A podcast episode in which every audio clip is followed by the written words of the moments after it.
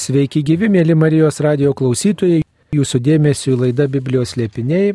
Šioje laidoje atsiverčiame patarlių knygą ir ją skaitysime drauge su Vytauto didžiojo universiteto docentu Pauliumi Čerka. Sveiki gyvi. Sveiki. Taigi patarlių knyga priskiriama Saliamonui, nors parašyta daugybės žmonių, išminties raštijos dalis ir daugybė tų patarlių yra. Nėra kažkokio pasakojimo, siužeto, bet tokie pamokymai, kurie vertingi mums visiems. Vertingi tiems, kurie nori įgyti išminties ir nori tą išmintį atsiminti ir perteikti kitiems žmonėms. Iš tikrųjų, Biblijos tyrinėtojai pastebi, kad patarlių knygoje nėra, kaip jūs ir taikliai pastebėjot, nėra to siužeto, nėra naratyvo, kuris būdingas kitai Seno testamento raštyjei. Nuo pradžios knygų iki pranašų mes turim tarytum suvienytą pasakojimą, kurio centre yra Izraelio tautos istorija, išeimas iš Egipto, šventyklos statyba ir panašiai. Čia mes nieko tokio nesutinkam, tuo būdu knyga tikrai atvira yra skaitytojui be papildomo tarytum pasiruošimo ir išmanimo tos šventosios istorijos, tačiau giliau pažiūrėjus, mes tam tikros sąsajas matome. Štai knygos pirmi devyni skyriai, kaip tam tikra įžanga, susideda iš dešimt tėvo pamokymų sūnui, tokia dešimt pokalbių prie šeimininio stalo. Ir štai čia jau mes atpažįstame, kad pradžios knygoje, pirmoje Biblijos knygoje, Dievas sukuria pasaulį dešimčia žodžių. Ir Dievas tarė ir buvo taip, tas pasakyta dešimt kartų. Kai Mozė užlipa ant kalno, Ir mes tai vadinam dešimt Dievo įsakymo davimu. Iš tikrųjų, pažodžiui, ten pasakyta, Dievas davė dešimt žodžių. Dekalogos dešimt žodžių. Vėliau mes juos įvardiname teologiškai dešimt įsakymų, bet tai yra taip pat dešimt žodžių. Ir tokiu būdu ši knyga susijungia su bendrom idėjom, kad išminti mes matome Dievo kūryboje. Dievas per dešimt žodžių sukuria pasaulį, išmintis matosi Dievo tvarkoje moralinėje, kai jis duoda dešimt įsakymą arba dešimt žodžių. Ir štai čia yra tarytum mes esame vaikai namuose, iš kurių mes išjudame į gyvenimą ir gauname dešimt pamokų. Tikslas jų atpažinti tarytum įsiūtą išmintį į aplinkinį pasaulį, nes visa, kas padaryta, yra padaryta to menininko, meistro su išmintimi. Reiškia, ta išmintis yra aplink mus, mes ją galim stebėti ir išvelgti. Ir va tokiu būdu yra toks susisėjimas su bibliniu naratyvu. Toliau mes septintam skyriui matysim išmintį, kuri pasistato namus ant septynių kalvų. Tai čia tokia iliuzija yra, kad Dievas per septynias dienas sukuria pasaulį, štai čia išmintis pastato namus. Iš tikrųjų, ką reiškia, kad Dievas sukuria pasaulį? Tai, kad jis parodė save, jis išreiškė save matomai, taip kaip išminties pastatyti namai. Namais jinai irgi išreiškia save, jinai apsigyvena, jinai tampa prieinama, matoma. Tokiom alegorijom ir sąsajom iš tikrųjų ši knyga vis tik susikabina su likusiam šventom knygom, nors tiesiogiai tikrai nemini naratyvo. Taip, nėra pasakojimo siužeto, bet yra atskiros tiesos, patirtis, kuri daugelio žmonių kartų yra apibendrinta taiklių posakių, palyginimu, sugretinimu, kuris gali būti įpintas į būties sceną arba kaip kitaip išreikštas. Taigi pradedame skaityti patarlių knygą. Pirmasis skyrius - Saliamono Davido sūnaus Izraelio karaliaus patarlės kad žmonės brangintų išmintį ir pamokymą, suvoktų prasmingus posakius, pratintųsi išmintingai elgtis, būdami teisūs, teisingi ir dori. Taigi pirmąją eilutę jau visos šitos patarlės priskiriamos karaliui Saliamonui. Nors jos parašytos ir kitų žmonių, bet karalius Saliamonas, kaip mes ir kalbėjom ankstesnėse laidose, yra įkvėpėjas ir toks dvasinis palydėtojas, dvasinis tėvas, toks simbolis visos išminties raštijos. Ir taip pat antroji eilutė, kad žmonės brangintų išmintį ir pamokymą, suvoktų prasmingus posakius, nusakoma šitos knygos tikslas, apskritai patarlių tikslas. ar tikrai žmonės brangina tą išmintį. Kaip galėtume pasakyti, ar tikrai skaito šitą knygą norėdami įgyti išminties. Na, čia toks provokacinis klausimas.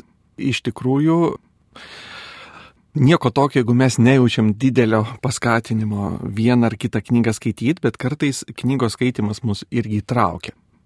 Tai čia šiuo atveju irgi paraginčiau klausytojai neįsitemti, jeigu jis nejaučia ypatingo polinkio studijuoti šventuosius raštus. Kita vertus, kažkuria prasme ir nebijoti to daryti, nes kartais pradėjus užsikabini. Tai tokiu būdu yra ir kvietimas išmintis, daug kartų kviečia kiekvieną, net stumdama ir nekeldama kažkokiu ypatingu reikalavimu žmogui pas ją ateiti. Bet štai trečioje eilutėje turbūt ir paaiškinama, kas yra ta išmintis ir kas yra, ką reiškia išmintingai elgtis. Tai reiškia, kad žmogus būtų teisus, teisingas ir doras. Kitaip sakant, laikytųsi viešpaties įsakymų. Tas, kuris laikosi viešpaties įsakymų, jau yra išminties kelyje tas, kuris stengiasi būti teisingas, tas, kuris nori viešpaties valią pažinti, ką reiškia teisumas, tai tas ir yra išminties kelyje. Ir tam kelyje, kol gyveni, niekada nėra pabaigos. Visada gali tobuliau viešpaties valią vykdyti, suprasti giliau ir taip pat stengtis teisingumą įgyvendinti ir laikytis dorovės sažiningiau ir taip uoliau. Taip, ir čia svarbu pamatyti tokią sąsają, kad mes linkę dažnai supriešinti gamtoje esančią tvarką, ekonomikoje esančias tvarką ir principus ir etinę, moralinę tvarką. Mums tarytum tai du skirtingi pasauliai yra. Bet čia atstovaujama tokia idėja, kad jeigu Dievas sukūrė visą pasaulį ir jis įjaudė į pasaulio tvarką, į pasaulio dėsnius, kuriuos mes atpažįstame protu, jau savo išminti, tai ta pati, o ne kita išmintis taip pat mus auklėja, kaip turėtume mes gyventi kaip žmonės, vadovaujantis teisingumu, vadovaujantis tam tikrą etiką. Reiškia, yra ne dvi išmintis, o viena ir ta pati išmintis. Ta išmintis, kaip auga medžiai, jinai yra ta pati, kaip ir žmonės turi vienas su kitu bendrauti, nes tas pats yra autorius vieno ir kito. Lietuvių kalboje mes įdomu, kad turime žodį, pažiūrėjau, įstatymas ir dėsniai nusakyti tai, kad daugelis kalbų turi tik vieną žodį, kaip tarytum universalų dalyką mums labai tarytum norėtųsi atskirti. Dėsniai yra tai, kas yra natūraliai gamtoje, o įstatymai yra tai, ką mes patys vienai par kitaip pasirinkame. Bet čia daugiau yra atstovaujama idėjai, kad yra viena ir ta pati išmintis. Ja mes stebime gamtos gyvenime, tiek pat gyvūnų kažkuria prasme pavyzdžiuose, ekonominiai, politiniai, socialiniai santykiai, juose visuose mes galime išvelgti ir tuo būdu taip pat pritaikyti dalykus teisume, teisingume, bešališkume, tai yra etiniam pasauliu. Kad išmintis yra ta pati, o ne dvi tarytum priešingi pasauliai. Taip pat ta išmintis yra siejama su pamokymais, kad tai ateina iš kitų žmonių turbūt pamokymai. Arba, nežinau, gyvenime suprantami, atrandami pats žmogus padaro tam tikras išvadas, bet turbūt šitos knygos tikslas perteikti tą patirtį, kuri jau yra sukaupta ir tos patirties perteikimas ir yra pamokymas. Ar čia dar ties tuo pamokymu yra dar kažkokia kita prasme? Taip, čia, sakykime, kvailumas patalio knygose pasireiškia kaip pasiputimas, jog nėra ko man mokytis, aš ir taip viską žinau. Tai ta nuostata kaip tik išduoda žmogaus, na, pavadinkim, išdidumą. Nes jeigu tu mokaisi, tu vis tik pripažįsti kito žmogaus mokytojo pranašumą. Jau yra pirmas žingsnis - pripažinti, kad kažkas žino daugiau. Jeigu mes nepadarom šito žingsnio, šitos paprastos prielaidos, tai nieko negalim ir pasimokyti. Tai vad išminties kelias yra susijęs su nuolankumu - pripažinti kitą kaip pažangesnį, kaip mokantesnį. Nes kitaip aš nieko neišmoksiu. Iš ties toks yra išminties kelias norint mokytis, reikia pripažinti, kad nemoki. Ir turbūt čia yra visada tas įmanoma, visada kažko galiu išmokti daugiau, pagilinti savo pažinimą, kuris ateina ir per kitus žmonės kaip Dievo dovana. Ir dar tokia turbūt yra tokia mintis, toks apibendrinimas visų šitų patarlių, tai yra kad tai yra prasmingi posakiai, kad žmonės brangintų išmintį ir pamokymą, suvoktų prasmingus posakius.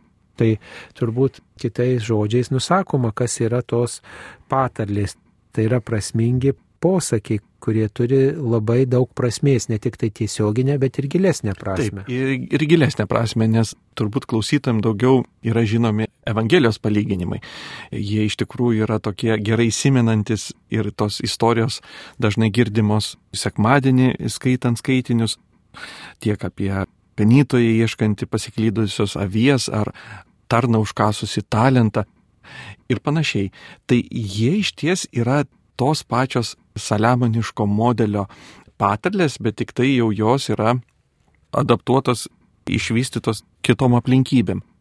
Bet akivaizdu, kad jos turi kitą dugną, kad jos nėra iš tikrųjų tik apie ekonominę ar ūkinę veiklą, bet jos mus mokino apie mūsų sielos likimą. Taip ir čia mes tikrai turėsime tą pirmąją prasme, bet už jos lipės gilesnė prasmė dvasinio gyvenimo, kurio mes turime mokintis, kuris savaime neteina, neteina sėkmingumas tame gyvenime. Taip, dabar toliau skaitome ketvirtąją eilutę, kad neišmanėliai būtų pamokyti sumanumo, jauni žmonės žinojimo ir apdairumo. Taip pat nusakomas adresatas šitos knygos, kad neišmanėliai būtų pamokyti sumanumo, kad tie, kurie nepatyrę, nesubrendę, nesugebantis tinkamai pasirinkti tarp gėrio ir blogio, kad jie galėtų įgyti tos išminties, kuri gretinama su sumanumu, tai yra su tokiu sugebėjimu vis dėlto atskirti, sugebėjimu teisingai pasirinkti.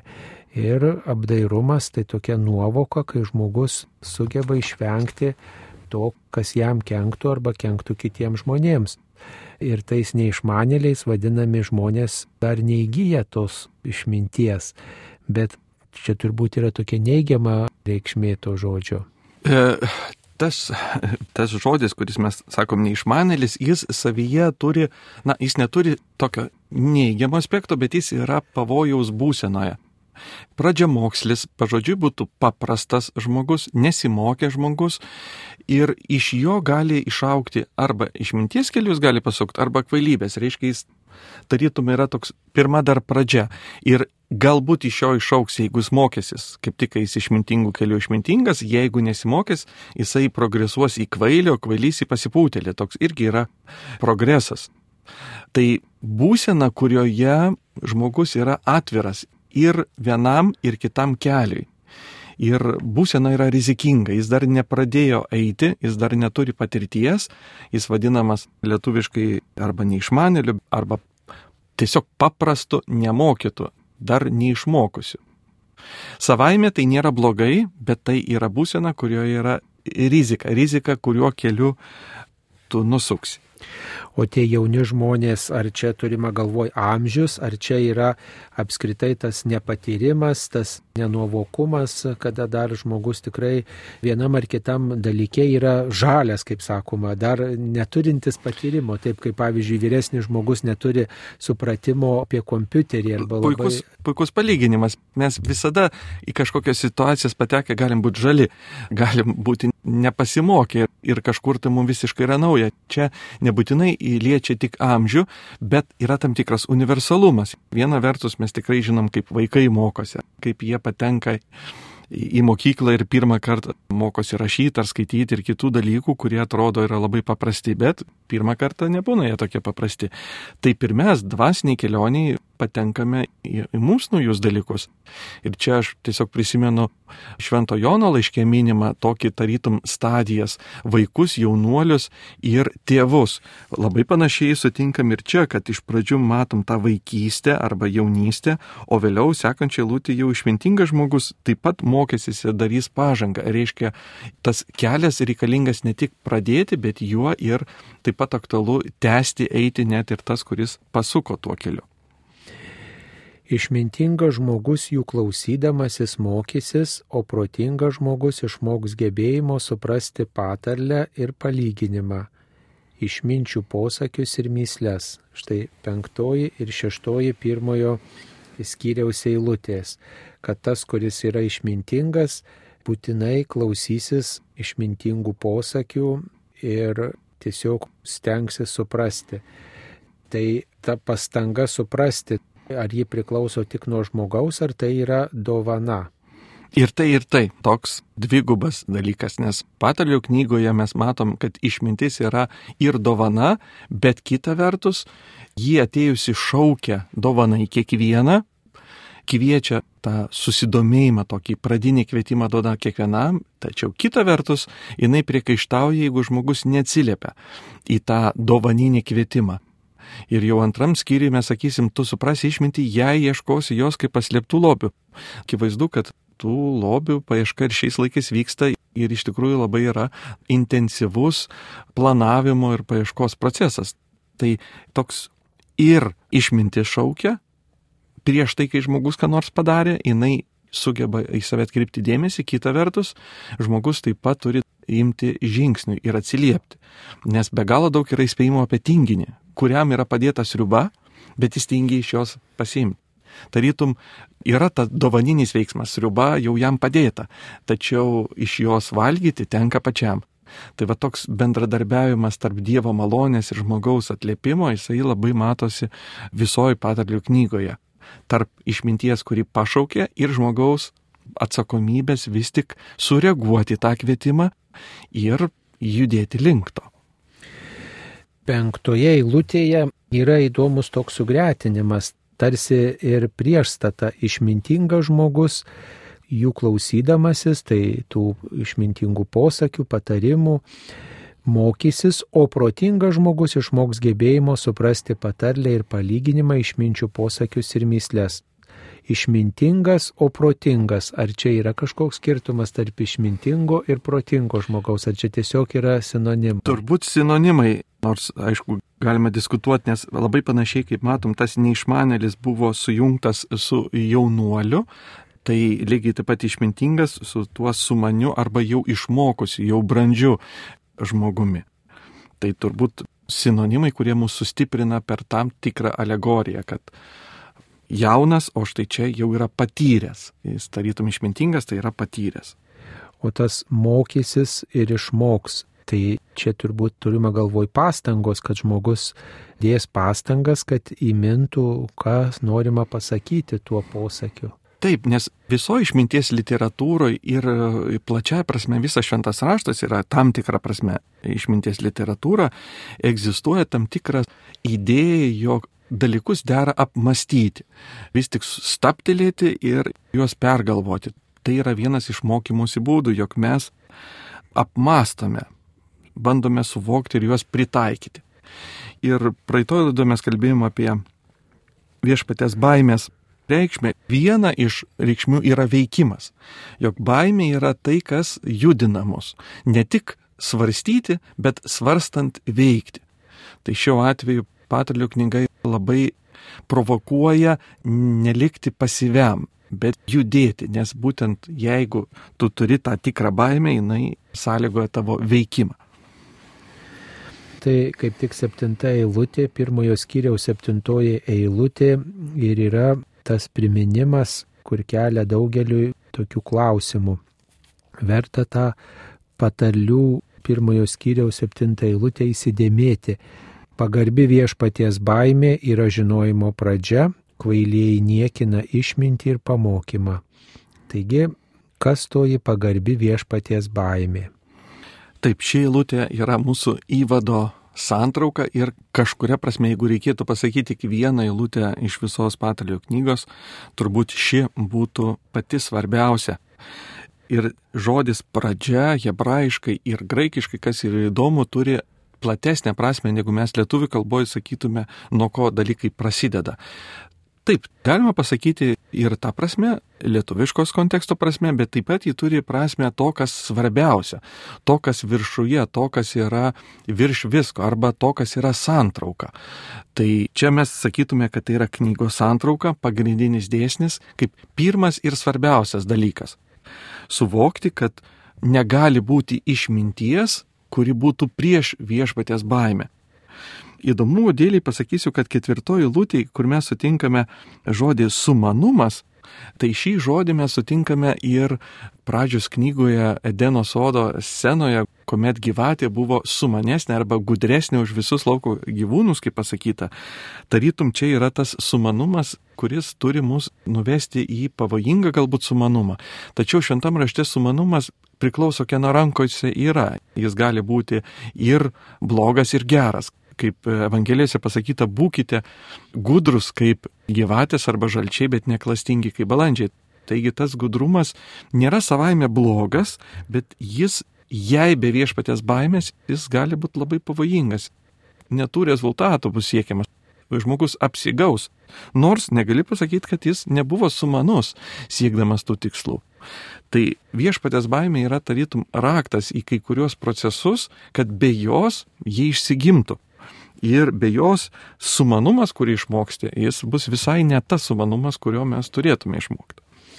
Kitaip sakant, tas, kas pagarbiai artinasi prie viešpaties, tas, kuris supranta, jog Dievas yra visagalis, kad Dievas yra mylintis ir kad Dievas yra teisingas ir jisai virš visko, tas, kuris neapsipranta su viešpaties artumu, tas, kuris su didelė meilė, su dideliu rūpeščiu artinasi prie viešpaties, tas jau yra išminties įgyjimo kelyje. O tas, kuris niekina tokį kelią, kuris tikėjimą atmeta, kuris galbūt familiariai elgesi Dievo akivaizdoje, tai nėra išminties keli. Ar galima taip kitais žodžiais nusakyti? Taip, tikrai taip. Ir iš tikrųjų žmonijos istorija mums yra pateikusi daug tų pavyzdžių, kuomet mes turim tarytum iš tikrųjų labai protingus žmonės, mokslininkus ir kitus atliekančius įdomius atradimus, bet moralę padėjus į šalį mes patiriam labai neigiamus padarinius antras pasaulinis karas, eksperimentai su žmonėmis, holokausto patirtis. Ir už to stovėjo iš tikrųjų labai protingi žmonės. Jeigu žiūrėti grinai, taip intelektualinė prasme, taip, jo proto turėjo, bet jų protingumas nebuvo sujungtas su viešpatės baimė. Ir ką mes gauname? Mes gauname milijonus pražudytų žmonių tarytum protas ir pajungtas, kuriant ginklus ir kuriant vaistus ar kitus dalykus, bet jie panaudojami yra tokiu būdu, jog atneša tik nelaimės. Tai čia būtų iliustracija, kad vieno proto negana reikalingas tam tikras pamatas, kuris yra moralinis pamatas. Ir vat, jį sujungus su protu iš tikrųjų mes turim puikius vaisius. Taipgi mokslas mums yra padovanojęs iš tikrųjų daug palengvinimų gyvenime.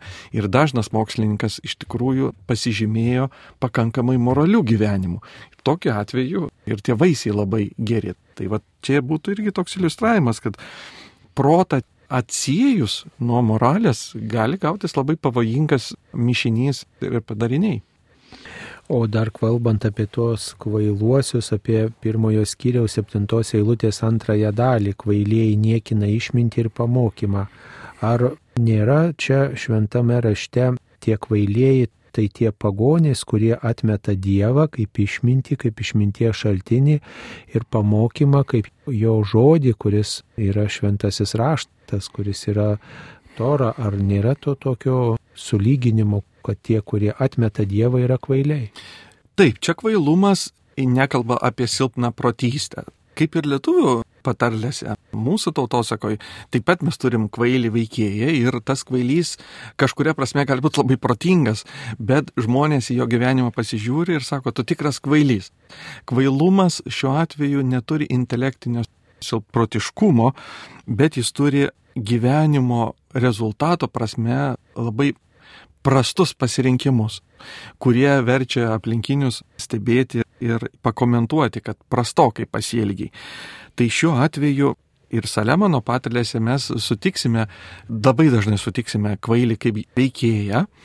Ir čia turėtume iš karto taikyti į savo kaip pavojingą įspėjimą. Atsimenat, Kristaus palyginimus buvo ir penkios sumanios, penkios kvailos mergaitės.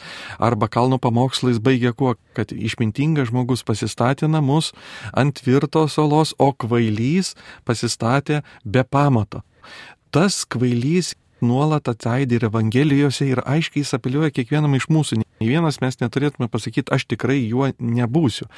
Ir netgi ypač šventam rašte pagonis kartais yra mums pateikiami kaip pavyzdys tuo nuolankumo ir dievaieškos. O paradoksaliai, sakykime, jau žydai arba tikintis tauta, jie pasielgia labai kvailai. Tai šiuo atveju mes nei vienas nesame apdrausti iš anksto nuspręsti, kas tas žmogus. Galbūt jame iš tikrųjų išmintis sužydės, o galbūt kvailystė ir tuo labiau dėl savęs neturėtume būti tokie ramus ir tikri visada sunerimti ir pagalvoti, ar ne aš esu tas, na, kvailys, apie kurį čia kalbama, kuris yra tas jaunuolis ir kuris juda, na, pavojingų kelių, bet jam dar nevėlu apsisukti. Čia toks yra Patarlių knygui progresas prasideda su tuo paprastu nemokytu, vėliau jis gali pasirinkęs kvailybės kelią tapti kvailiu, o dar toliau tapti tokiu pasipūteliu pašaipūnu, kuris iš tikrųjų jau ne tik yra pasitenkinę savim, bet dar ir kritikuoja kitus. Ir jau iš tos būsenos labai sunku pasveikti. Bet įmanoma pasveikti atsigrėžiant į Dievą, nes jeigu žmogus į Dievą žvelgia kaip į tą, kuris yra didesnis, kuris yra išminties šaltinis, tobulumo pilnatvės šaltinis, tai tada jau įgyjamas tas gyjimo kelias įgyjama išminties pradžia. Ir labai įdomu, kad ne šiaip savo baimė, bet pagarbi viešpaties baimė. Kodėl va, tas pabrėžta prie baimės, kad turi būti pagarba. Tai čia norima turbūt paryškinti, kad tai nėra dantų kalenimas, kad prieš Dievą reikia dantim kalenti, kad jis mane gali sunaikinti, baiminantis išnykti, pražūti, kentėti, bet turbūt tas pagarbos akcentas yra pabrėžiamas. Taip, čia, čia yra į mūsų kultūrą jau išverstas žodis, jo originale jo tokio nėra, bet tam, kad mes sveikiau suprastume įsiriškimą viešpatės baimę, vertėjai pasiūlė papildyti jį pagarbumu. Tiesiog taip geriau perteikiant to dalyko esmę. Nors pažodžiui liktų tik tai baime, bet jinai reiškia tai, ką mes šiandien pasakytume žodžiu pagarbi laikysena. Taip, tai dėl to labai taiklus papildymas jis leidžia mums geriau suvokti idėją už šito žodžio, nes ne visada techninis pažodinis vertimas perteikia žodžio turinį. Aštunta eilutė, mano vaikė, klausyk savo tėvo pamokymų, net mesk savo motino žodžių. Taigi tėvai yra tie, kurie teikia išmintį, čia yra šeimos motyvas aidintis, o kokia būtų gilesnė prasme, kas tas tėvas, kuris moko ir ta motina, kuri taria išminties ir tokio sumanumo žodžius. Taip, čia mes turim jau pirmąjį mūsų pokalbį šeimininėje aplinkoje. Pirmas pamokymas, iš viso mes turėsime dešimt. Ir kalba abu tėvai, dažniausiai tėvas, bet yra ir mama. Ir tai, ką mes lietuviškam tekste turime net mes motinos mokymo arba nurodymų, hebrajiškai yra žodis Tora, Ir tikrai jis yra mums girdėtas, nes taip vadinamės tiesiog penkiaknygę arba Mozės įstatymą. Hebrajiškai Tora iš tikrųjų būtų nuskurdintas, jeigu mes įverstume vien tik tai įstatymas. Jis turi platesnę prasme, reiškia kaip mokymas, nu, galbūt sisteminis mokymas, bet gali namų aplinkoje, būtinai aplinkoje reikšti tėvų pamokymas vaikui. Ir štai čia yra tam tikras žodžių žaidimas, jog mes sutinkame torą, bet įvilktą į tokią naminę aplinką ir matome tėvus mokant savo vaikus. Lygiai kaip, jeigu mes užduotume klausimą, o kasgi yra įstatymas, kasgi yra tas dešimt Dievo įsakymų, kokia jų esmė? Jų esmė yra, kad jeigu žmonėje yra kaip vaikas, tai jie yra tarytum tėvo pamokymas. Mes kartais juos girdime kaip tam tikrus draudimus, kaip tam tikrą tokią prievartą, Taip, jie suformuoluoti tokia kalba, kurią mes turime baudžiamą arba civilinį kodeksus, tai tiesiog toks žanras, bet jeigu užduoti klausimą, kas tai, tai būtų atsakymas, Dievas moko mus. Jis taip kaip ir tėvai nelinkęs mums uždrausti kažką gero, bet priešingai patarti, apsaugoti nuo pavojų. Tai šiuo atveju Saliamonas vėl pritaiko tam tikrą alegoriją. Dievo įstatymai yra tarytum mamos pamokymai. Tiesiog čia mes jau sutinkame šį žodį pavartotą tokiam kontekste ir klausytojas aiškiai jį atpažįsta ir supranta, kad tai yra tam tikras jau žaidimas žodžiais, jų sąskambiais, prasmėmis. Ir tuo būdu mes turime priimti ir Dievo įstatymą. Dievo įsakymus, ne kaip norinti mus apriboti, bet priešingai mus išmokyti. O ar galima būtų šitą sakinį pirmojo skyriaus aštuntą eilutę traktuoti kaip tam tikrą Dievo ir bendruomenės, kuri duota kaip Dievo dovana, prieimimą, šitas eilutes suprasti, kad tas tėvas su savo pamokymais yra pats viešpats, o ta motina, kuri teikia žodžius, kuri paaiškina tą pamokymą, tai yra ta bendruomenė, tas susirinkimas, kuriame tas Dievo žodis yra suprantamas, paaiškinamas ir tuomet aš labiau galiu būti su savo motina ir galiu labiau būti su savo tėvu ir jo žodį geriau suprasti labai, labai taikli išvalga iš tikrųjų bažnyčios tėvai komentuodami šią eilutę dažnai turėjo nuorodą, kad tėvo pamokymai ir mamos pamokymai tarytum už tos repėsi dieviškas autoritetas ir bažnyčios autoritetas. Ir kad žmogui reikia kaip kiekvienam žmogui reikia ir tėvo, ir mamos, taip ir kiekvienam dvasiniai kelioniai mums reikalingas ir Dievo žodis, ir bažnyčios mokymas. Be bendruomenės turbūt labai sunku įsivaizduoti save vien izoliuotą aš ir Dievas. Nors šiuolaikinėje kultūroje mums būdingas tas perdėtas individualizmas. Mes dažnai suvokiam tik save ir savo dvasinę kelionę ir aišku, Dievo galbūt ir netmetam, bet dažnai užduodam klausimą, o kam man reikalinga bažnyčia arba kam man reikalingi kiti žmonės. Man užtenka, tarytum, manęs, mano kelionės ir Dievo. Tai iš tikrųjų ši eilutė mums sako, kad yra du tie autoritetai šeimoje. Yra mama ir yra tėvas. Ir tarytum jie abu sudaro pilnatvę. Taip, iš tikrųjų, bažnyčios tėvai dažną kartą tą nurodydavo kaip poreikį turėti ne tik tėvą, bet ir poreikį turėti mamos auklėjimą. Devintoje eilutė tuos motino žodžius ir tėvo pamokymą vadina papuošalais jie bus tavo galvai grakštus vainikas, karoliai tavo kaklui. Kodėl šventas raštas šitą knygą tuos pamokymus kaip papuošalus pristato? Taip, tai čia vėlgi yra tam tikras sužaidimas su aluzija, su Tora, nes kai Moze liepia Izraelio vaikams išeimo 13 skyriuje Tora tau tarnaus kaip ženklas ant rankos ir bus priminimas ant kaktos. Turbūt ir šiandien esame mes matę ortodoksus žydus užsirišant tam tikrą juostelę ant rankos ir ant kaktos, tokia reiškia Toros inde, įsidedant vieną. Na, tokia dėžutė, kurioje yra Toros eilutė. Toros eilutė. Tai šiuo atveju taip yra priemamos tos eilutės, kad tai ženklas ant rankos ir ant kaktos, o štai čia Saliamonas pakoreguoja, bet tuo pačiu būdu pasako, kad tai bus pošmena vėlgi ant galvos ir ant kaklo. Aišku, kad čia yra žaidimas su pačia Tora, nes dabar jau motinos pamokymas, bet šį kartą jinai mus puošia. Jeigu Mozės atveju jinai tarytum mus moko mąstyti ir elgtis, tai čia mus padaro gražius. Iš tikrųjų, reiškia, išmintis perkeičia žmogų, jis tampa gražus kitam, su juo gera turėti reikalų. Jis tarytum pagražėja ne tik Dievo kise, bet ir žmonių kise. Tai yra kažkokia puošmena, išmintis atėjusi į žmogaus gyvenimą padaro jį gražesnį, priimtinesnį kitam. Nepriešingai ne, nedaro jį atstumtesnį, bet priimtinesnį. Kiti komentatoriai čia pastebi, kad tai netgi karališki atributai, tai yra būdinga karališkom šeimynoms taip puoštis.